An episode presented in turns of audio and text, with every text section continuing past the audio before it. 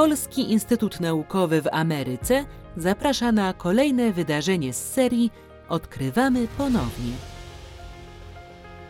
Prezentujemy wybrane archiwalne materiały przechowywane w kolekcjach Piasa w Nowym Jorku i będące polskim dziedzictwem kulturowym na obczyźnie.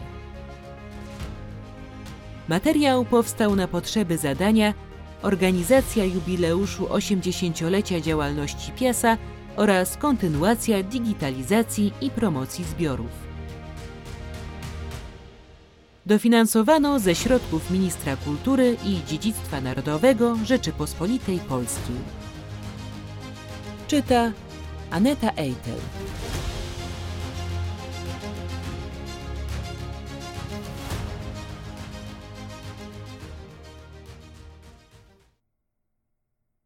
Przemówienie pana posła doktora Tadeusza Skowrońskiego wygłoszone w dniu Święta Narodowego dnia 3 maja 1945 na przyjęciu dla kolonii polskiej w poselstwie RP w Rio de Janeiro.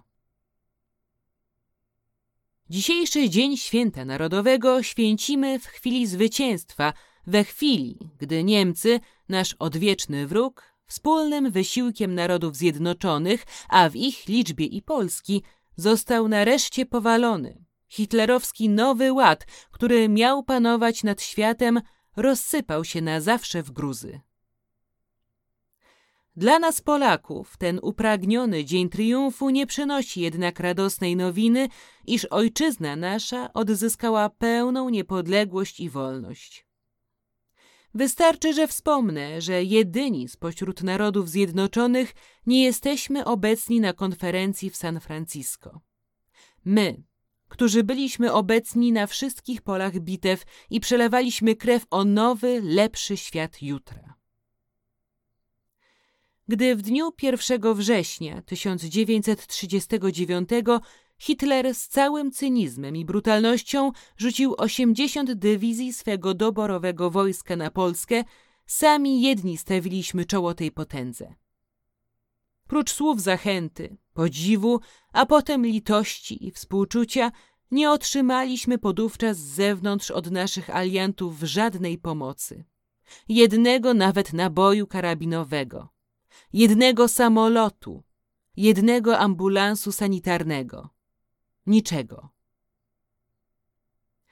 Gdy 1 sierpnia 1944 stolica Polski, Warszawa, jak jeden mąż stanęła do boju, by oswobodzić się z jarzma znienawidzonego najeźdźcy, walczyła sama.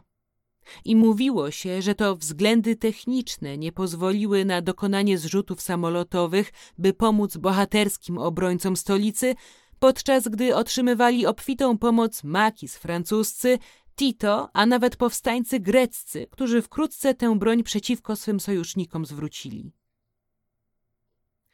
Gdy naród polski, poniósłszy ofiarę dziesięciu milionów swych synów w imię wolności, niepodległości i nienaruszalności granic Rzeczypospolitej, po powaleniu wroga w dniu triumfu i zwycięstwa żąda sprawiedliwości i elementarnego prawa do niepodległego bytu, trzej wielcy tego świata na konferencji w Jałcie podpisują piąty rozbiór Polski i oddają państwo polskie obcej potędze jako wasalne lenno. Jesteśmy znowu sami, tak jak byliśmy sami w 1939 roku, z tą tylko różnicą, że dziś jedynym naszym sprzymierzeńcem jest już tylko opinia demokratyczna Zachodu. Nawet największe wyczyny oręża polskiego, jak wzięcie Bolonii przez nasz drugi korpus we Włoszech, przechodzi niepostrzeżenie.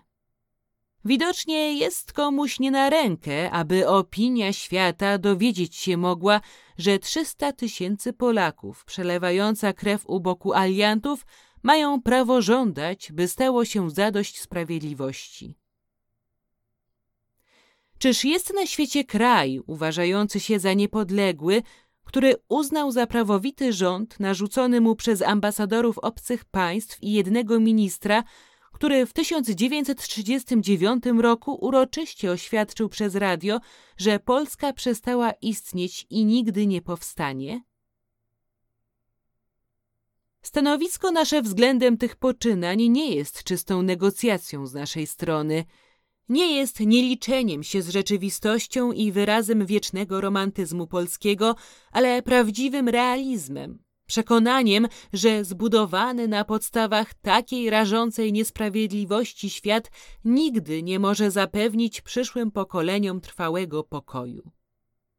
Budowanie bowiem pokoju opartego na sile, a nie na prawie, doprowadzić musi w konsekwencji do pytania, kto jest silniejszy, a odpowiedź na to pytanie może być tylko dana przez paszcze armat oraz rajdy samolotowe. Nikt może tak jasno nie wyraził tej oczywistej prawdy, jak Związek Socjalistów Polskich w Stanach Zjednoczonych w swej deklaracji, która brzmi jak następuje. Decyzję konferencji krymskiej, akceptując tzw. Tak linię Kerzona jako wschodnią granicę Polski, potwierdzają rozbiór Rzeczypospolitej Polskiej dokonany przez Hitlera i Stalina we wrześniu 1939. Decyzje te są w istocie uznaniem układu Ribbentrop-Mołotow, w swoim czasie potępionego przez światową opinię demokratyczną jako układu kontrolującego napad Niemiec i Rosji Sowieckiej na Polskę. Decyzje konferencji krymskiej są dyktatem godzącym w niepodległość Polski na podobieństwo dyktatu monachijskiego, który przypieczętował koniec niepodległego bytu Czechosłowacji. Decyzje te powzięte zostały bez wiedzy i zgody Polski, poza plecami legalnego, zarówno konstytucyjno-prawnie, jak i politycznie-narodowo, rządu polskiego urzędującego obecnie w Londynie. Poza plecami rządu polskiego, mającego za sobą poparcie kraju, jego zorganizowanych sił politycznych i zbrojnych oraz cieszącego się zaufaniem armii polskiej, bohatersko walczącej obok armii alianckich na różnych frontach europejskiego teatru wojny. Decyzje krymskie narzucają narodowi polskiemu rządy agentów Stalina. Uznanie przez konferencję krymską grupy agentów sowieckich uzurpujących sobie tytuły i uprawnienia rządu polskiego, zaś w istocie rzeczy działających tylko w oparciu o siłę okupanta, za podstawę do tworzenia nowego rządu, fałszywie z góry nazywanego rządem jedności narodowej, jest pogwałceniem zasadniczych praw narodu polskiego do rządzenia się według własnej woli i bez nacisku obcej siły politycznej i zbrojnej. Narodu polskiego tymi metodami otumanić się nie da. Związek Socjalistów Polskich stwierdza, że jedynym legalnym rządem polskim jest tylko rząd pozostający pod prezydencją Tomasza Arciszewskiego. Jeśli nasi bracia, znajdujący się pod okupacją, nie mogą swobodnie się wypowiedzieć pod groźbą zsyłki na Syberię lub do Turkiestanu, obowiązkiem nas wszystkich, którzy korzystamy z wolności słowa, jest bardziej niż kiedykolwiek być nieugiętym, opierać się wszelkim pokusom, wszelkiej słabości, wszelkim próbom rozbijania nas, oszczerstwom, zdradzie i dywersji, bo tylko tą drogą możemy naszym braciom w kraju dopomóc. Jesteśmy sami w tej walce, ale tym silniejszym musi być nasz głos wołający o sprawiedliwość. W obliczu tych faktów okrzyk Niech żyje polska armia, prawowity rząd Polski w Londynie i prezydent Rzeczypospolitej nabierają dla nas specjalnego wyrazu i znaczenia, gdyż oni reprezentują dziś prawdziwie niepodległą, niepodzielną, wolną i demokratyczną Rzeczpospolitą. Niech żyje jej prezydent Władysław Raczkiewicz. This content was created for the project, organization of the 80th anniversary of the Polish Institute of Arts and Sciences in America and continuation of digitalization and promotion of the collections. Co-financed by the Ministry of Culture and National Heritage of the Republic of Poland.